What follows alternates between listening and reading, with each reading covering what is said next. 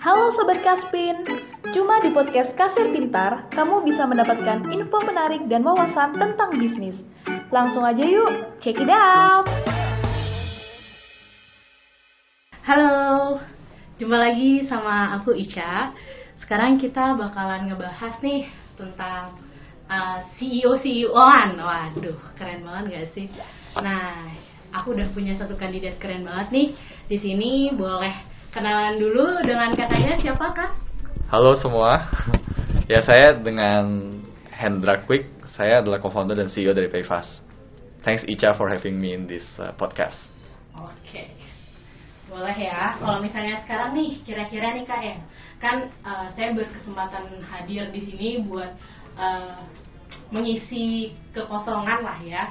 Dan di sini uh, teman-teman tuh pengen tahu banget nih, kira-kira pengalaman kakak dulu sebelum membangun startup gitu itu apakah langsung oh oke okay, saya langsung memutuskan untuk menjadi apa founder gitu atau kakak harus cari kerja dulu deh pengalaman kira-kira kakak milih mana sih dulu?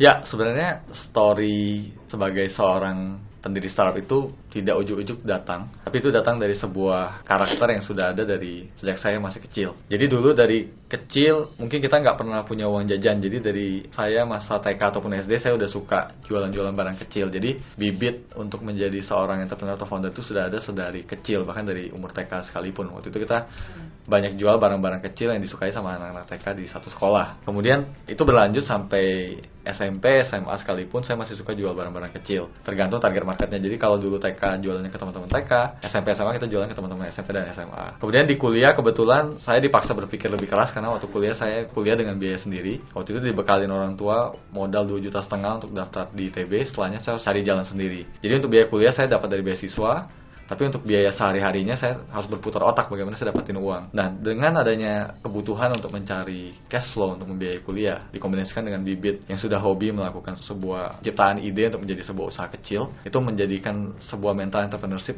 di masa kuliah. Jadi waktu itu saya mulai dengan jualan kue-kue kecil. Waktu itu pertama kali saya jual kue donat, bahkan uh, di kampus pun banyak kenal namanya Quicks Donut. Jadi kalau di luar ada Dunkin Donut, kalau masih di ITB kenalnya Quicks Donut. Harganya lebih murah tapi cukup affordable dan cukup masuk untuk segmen mahasiswa saat di kala itu tahun 2008 ya kurang lebih. Nah dari donat saya berekspansi ke jenis-jenis kue lain, jadi kue kering seperti risol, kemudian ada lemper, ya, kan, kemudian ada bakwan dan lain-lain dari kue saya masuk ke segmen kedua yaitu nasi. Dan akhirnya dari nasi itu menjadi catering dan akhirnya menjadi quick food catering. Nah dari situ usaha itu saya mulai dengan modal mungkin hampir nggak ada modal ya. Waktu itu saya kuenya saya ngambil dari stok orang. Saya dapat keuntungan kecil dikembangkan-kembangkan sampai akhirnya jadi quick food catering. Terakhir kali saya bisa mendapatkan keuntungan sekitar 4 sampai 5 juta per bulan. Nah itu yang membantu saya survive hingga akhirnya saya bisa lulus ITB nah ketika lulus dari ITB saya berpikir uh, waktu itu saya pengen melanjutkan usaha ini atau saya uh, ditawarkan kesempatan bekerja. Waktu itu karena kesempatan bekerjanya gajinya cukup tinggi, hampir 100 juta sebulan. Akhirnya saya putuskan, ya udah saya coba sekolah dulu dari program perusahaan itu, kemudian kerja. Harapannya nanti ketika saya pulang, saya bisa membuat perusahaan yang mungkin tadinya cuma sekedar 5 juta rupiah per bulan, kita bisa dapat keuntungan yang lebih besar karena kita sudah mengerti memanage perusahaan yang gayanya multinasional. Nah, jadi waktu itu dari kampus saya pergi ke perusahaan. Jadi kalau ditanya harus kerja dulu atau usaha dulu, sebenarnya nggak ada jawaban yang tepat, tapi tergantung apa yang mau kita pelajari. Karena pada akhirnya perusahaan yang kita dirikan akan bergantung pada ilmu yang kita punya. Kalau kita punya ilmu membuat usaha dari kecil, pasti kita mengerti membangun usaha dari nol. Tapi ketika kita juga punya ilmu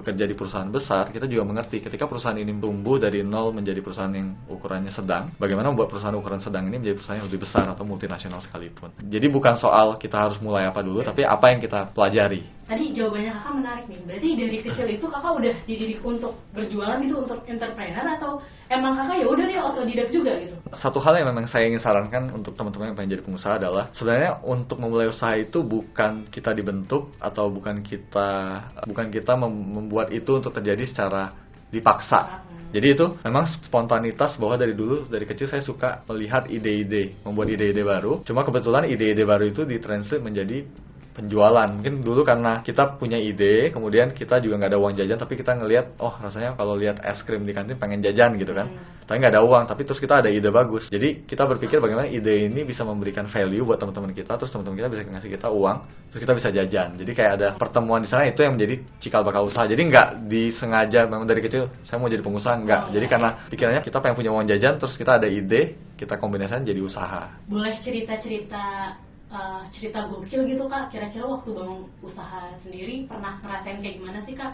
Mungkin suka dukanya atau ya pernah ih luar biasa banget waktu pas di awal atau kayak gimana gitu cerita gokilnya kakak kayak gimana sih? Ya sebenarnya cerita satu hal yang memang paling gokil yang sejak saya mulai usaha either di SD atau saya mulai usaha di kampus adalah semua usaha itu saya mulai dari nol. Jadi saya nggak ada modal apa pun. Walaupun memang pada akhirnya usaha di SD itu cuma sekedar ngasih uang jajan mungkin 5000 sehari. Kemudian waktu di kampus cuma menghasilkan keuntungan 5 juta sebulan, cuma cukup-cukup berkuliah. Tapi menurut saya permulaan yang kecil itulah yang membentuk karakter pengusaha yang akhirnya membawa saya sejauh ini hari ini. Yaitu kemampuan untuk melihat perjuangan itu adalah fase yang harus dilalui. Jadi dari fase kecil itu perjuangan dan kerja keras itu adalah sesuatu yang normal. Kemudian untuk mulai dengan sesuatu yang kecil dan keuntungan kecil itu bukanlah sesuatu yang harus kita merasa ibaratnya rendah diri gitu loh. Itu adalah sebuah fase yang dilalui oleh semua entrepreneur. Nah dan ketiga adalah kalau memang kita sudah punya uh, passion yang kuat di bidang itu dan kita punya tekad yang kuat walaupun kita modal yang sangat kecil sekalipun itu akan menjadi mungkin pasti selalu akan ada jalan. Ketika kita berusaha memperjuangkan itu walaupun banyak rintangan, pada akhirnya akan ada solusi dan jalannya juga. Jadi itu terreflek ketika saya memulai startup yang namanya Payfast. Mungkin beberapa teman ada yang udah tahu, beberapa teman ada yang belum tahu. Jadi waktu dulu kita mulai Payfast, kita mulai dengan modal nol. Jadi karena memang pendiri Payfast ketiganya bisa membuat produknya sendiri tanpa meng-hire orang lain, kita bisa mulai dengan modal hampir nol. Nah kemudian ketika kita coba ke pasar ternyata ada permintaannya. Kemudian karena saya sudah pernah kerja di perusahaan, berbeda dengan usaha donat yang ketika udah untung 5 juta kita berhenti di situ, kita mencoba membuat usaha ini jadi lebih besar. Tapi memang ketika usaha ini perlu menjadi lebih besar, kita butuh modal tambahan. Nah, waktu itu kita mencoba mencari investor, mungkin seperti kebanyakan founder, sulit rasanya mencari investor, apalagi kalau kita nggak punya title dari universitas di Amerika Serikat atau pengalaman yang mumpuni, pasti nggak ada yang mau invest. Saya sempat kerja di multinational company, tapi karena bidangnya bukan internet, investor nggak sepercaya itu. Akhirnya saya coba pakai tabungan saya sendiri, karena saya memang dari kecil udah berani, suka ide, dan berani mencoba. Saya coba semua tabungan saya kerahkan ke situ. Memang permulaan kecil, modalnya masih kecil, dengan menggunakan semua tabungan, akhirnya dia tumbuh ke fase berikutnya.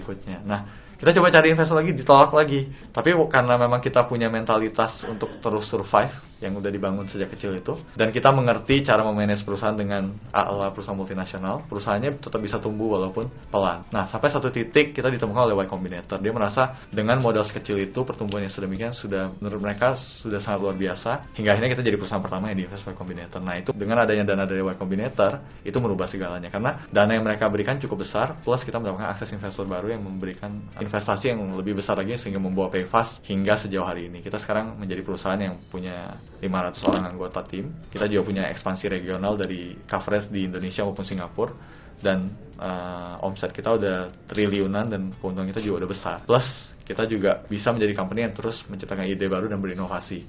Kira-kira nih kak, dari sekian banyak tadi obrolan kita, tips-tipsnya dulu deh buat uh, teman-teman di sini yang ngedengerin kira-kira apa sih mentalitas yang harus kita bangun untuk membangun startup? Kan kebanyakan orang anak-anak zaman sekarang tuh wih kayaknya keren nih startup startup hmm. gitu kan. Tapi kayak kadang-kadang juga langsung ah baru berapa bulan down. Ah baru berapa bulan down gitu kan. Kira-kira tipsnya nih kak gimana? Tentunya uh, tipsnya terrefleksi di value pay fast namanya S T E dan P step. Kita sebenarnya step. Jadi itu salah satu cara saya meringkaskan apa yang saya rasa bisa menjadi kunci untuk mencapai kesuksesan di dunia startup ataupun entrepreneurship pada umumnya sekalipun. Pertama S itu artinya start small, mulailah dari kecil. Kenapa? Karena dari saya SD, dari saya di kampus ataupun dari PEVA sekalipun saya selalu mulai dari hal yang kecil dan itu dimulai dengan modal yang sangat kecil tapi ketika ide itu terbukti, kita bisa percaya bahwa kalau kita memberikan uh, effort dan resource lebih ke ide ini, pasti ide ini bisa jadi besar. Itu menjadi fase validasi bahwa ide itu memang layak untuk diperbesar. Yang kedua adalah a lead, karena untuk setiap bisnis bisa menjadi sebuah bisnis yang sukses seperti uh, Microsoft ataupun Apple ataupun Amazon selalu ada figur leader di awal dan tentunya kita tidak bisa mengekspek leader itu datang dari pihak luar. Itu harus datang dari internal diri kita sendiri ataupun rekan-rekan kita yang menjadi pendiri bersama kita. Jadi harus ada figur a lead di mana kita bisa memimpin perusahaan itu menuju fase berikutnya dengan melewati rintangan-rintangan yang tentunya, tentunya tidak mudah untuk dipecahkan. Jadi harus ada figur leadership di sana terus yang ketiga E eager to grow nah ketika kita sudah punya ide kecil dan kita sudah memimpin ide itu ke satu titik yang kita bisa anggap cukup sukses. Mungkin kalau mungkin kita lihat kasir pintar sekarang sudah dipimpin hingga satu titik, rasanya cukup sukses nih. Kita harus punya mindset bahwa kita ingin terus berkembang. Kita harus uh, berani membuat membuka kasir pintar yang mungkin tadinya cuma pos harus menjadi platform yang menyediakan fungsi lainnya juga. Kemudian manajemennya harus belajar hal lain yang mungkin tadinya belum dimengerti karena organisasinya membesar mungkin harus ada manajemen organisasi. Leadernya pun harus mau belajar. Jadi company maupun leadernya harus bisa mengembangkan diri. Dan yang terakhir pro customer karena pada akhirnya setiap bisnis yang sukses adalah bisnis yang memberikan value kepada customer. Dan cara kita menentukan value itu adalah dengan cara konsisten berkomunikasi dan mem memposisikan diri kita untuk menjadi seseorang atau sebuah perusahaan yang pro terhadap customer. Nah, itu yang pertama. Yang kedua tentunya teman-teman harus mengerjakan sesuatu yang teman-teman suka dan passionate. Karena kita harus ketika membuat sebuah perusahaan itu memakan waktu mungkin 5 sampai 10 tahun dari hidup kita kan. Kalau sama seperti kuliah 5 tahun. Kalau kita nggak suka sama bidangnya atau kita nggak suka sama lingkungannya, kita akan struggling dan kita akan merasa stres ataupun depresi apalagi startup itu nggak mudah. Jadi saya sarankan harus mengerjakan sesuatu yang teman-teman memang passionate dan suka di bidangnya. Plus kerjakanlah itu dengan teman-teman yang bisa membuat teman-teman saling uh, happy bekerja sama satu sama lain dan ada kekompakan di situ. Berarti tim juga berperan penting. Tim juga ya, penting ya. Kira-kira nih uh, kalau dari yang udah Kak Hendra katakan rencana startup Payfast sendiri nih untuk Kak Hendra dan teman-teman itu ke depan seperti apa sih? Ya, kalau rencana Payfast sendiri, kami sebenarnya pengen bisa melahirkan sebuah startup digital yang diciptakan oleh orang asli dari Indonesia dengan resource yang mungkin terbatas dengan mungkin dia bukan anak siapa-siapa dia tetap bisa sukses dia nggak punya uang dia tetap bisa sukses. Kemudian startup yang diciptakan juga bisa mendukung perkembangan negara Indonesia secara keseluruhan. Jadi harapan kami ke depannya PayFast ini bisa jadi startup perbankan digital. Kenapa? Karena perbankan di Indonesia itu masih sangat uh, underdeveloped, kurang berkembang Akibatnya adalah banyak masyarakat yang belum mengerti tentang menabung ataupun uh, pemodalan untuk memperbesar bisnis mereka. Nah, kita melihat itu banyak terjadi di daerah-daerah. Nah, kalau kita bisa membuka akses perbankan, kami percaya ekonomi di daerah itu bisa naik. Nah, jadi tujuan PEVAS adalah bisa mendukung perekonomian di daerah dengan membuka akses perbankan dan pada waktunya nanti kita bisa menjadi uh, startup perbankan digital yang bisa menjadi contoh di kancah ASEAN dan kita ingin suatu hari kalau itu sudah terjadi setiap anak muda Indonesia bisa tahu bahwa perbankan digital yang di yang menjadi inspirasi di level ASEAN ini adalah karya ciptaan anak Indonesia yang awalnya nggak punya apa-apa, bukan dari keluarga siapa-siapa, tapi mereka bisa membuktikan bahwa mereka bisa. Nah harapannya itu juga bisa menjadi inspirasi ke depannya supaya anak muda lain juga bisa punya mimpi yang sama dan lebih banyak lagi nih pevas-pevas lainnya. Mantap gitu. banget nih. Kira-kira nih terakhir terakhir. terakhir. Ya. Quotes buat teman-teman sendiri sama pendengar setia kasir pintar podcast apa kak? Ya uh, sebenarnya ada satu, satu quote ya uh, yang saya juga sering share ke teman-teman di Payfast. Sebenarnya bisa dibaca di blog Medium Payfast juga sih. Jadi sebenarnya dari dulu itu saya sebenarnya dari kecil saya suka orangnya suka bermimpi. Tapi bukan mimpi siang bolong terus nggak pernah bangun ya. Jadi saya pengen uh, setiap anak muda di Indonesia itu kalau memang kita apalagi sekarang dengan era internet kita bisa melihat banyak contoh perusahaan sukses, orang sukses. Jadi kita bisa banyak belajar dari mereka. Dan mungkin memang ketika kita membaca soal mereka, kita kadang merasa diri kita tuh kerdil sekali. Kita merasa saya pengen seperti dia, tapi rasanya hari ini saya tuh kecil banget. Apakah bisa suatu hari saya seperti itu? Nah, untuk teman-teman yang mungkin pernah mengalami hal itu, saya yakin semua pasti mengalami hal itu. Mungkin teman-teman pernah baca tentang Bill Gates, tapi oh Bill Gates sukses, tapi mungkin karena dia lahir di Amerika ya, karena ayahnya oh udah pernah kasih dia komputer dari kecil. Kalau saya dari anak kampung kayak gini nggak pernah belajar komputer, mana bisa sih? Nah, jangan punya mindset seperti itu. Uh, saya selalu pegang teguh bahwa kita harus berani bermimpi, apa pun situasinya itu. Karena dengan mimpi itulah kita bisa punya semangat untuk mengejar sesuatu dalam hidup kita. Nah, dan dengan adanya mimpi itu, sesuatu yang tadinya tidak mungkin akan menjadi mungkin karena mimpi itu memberikan kita semangat dan energi untuk terus bekerja keras menggapai mimpi itu. Jadi, uh, jangan pernah takut untuk bermimpi dan percayalah apa pun yang tidak mungkin akan bisa menjadi mungkin selama kita punya mimpi dan kerja keras. Jadi mungkin kalau bahasa Inggris sok kerennya itu uh, when you have a dream, nothing is impossible. Especially when you put your 100% hard work onto that. Gitu. Keren banget. Semoga bisa jadi pencerahan buat teman-teman. Saya tunggu karya-karya anak muda Indonesia. Terima kasih, Cak. Thank you, Kak. Ya. Atas waktunya dan teman-teman semua terima kasih udah ngedengerin podcast kali ini. Semoga nanti tersetia ya ngedengerin podcastnya Kasir Pintar. Jangan lupa follow dan subscribe Kasir Pintar. See you next time. See you.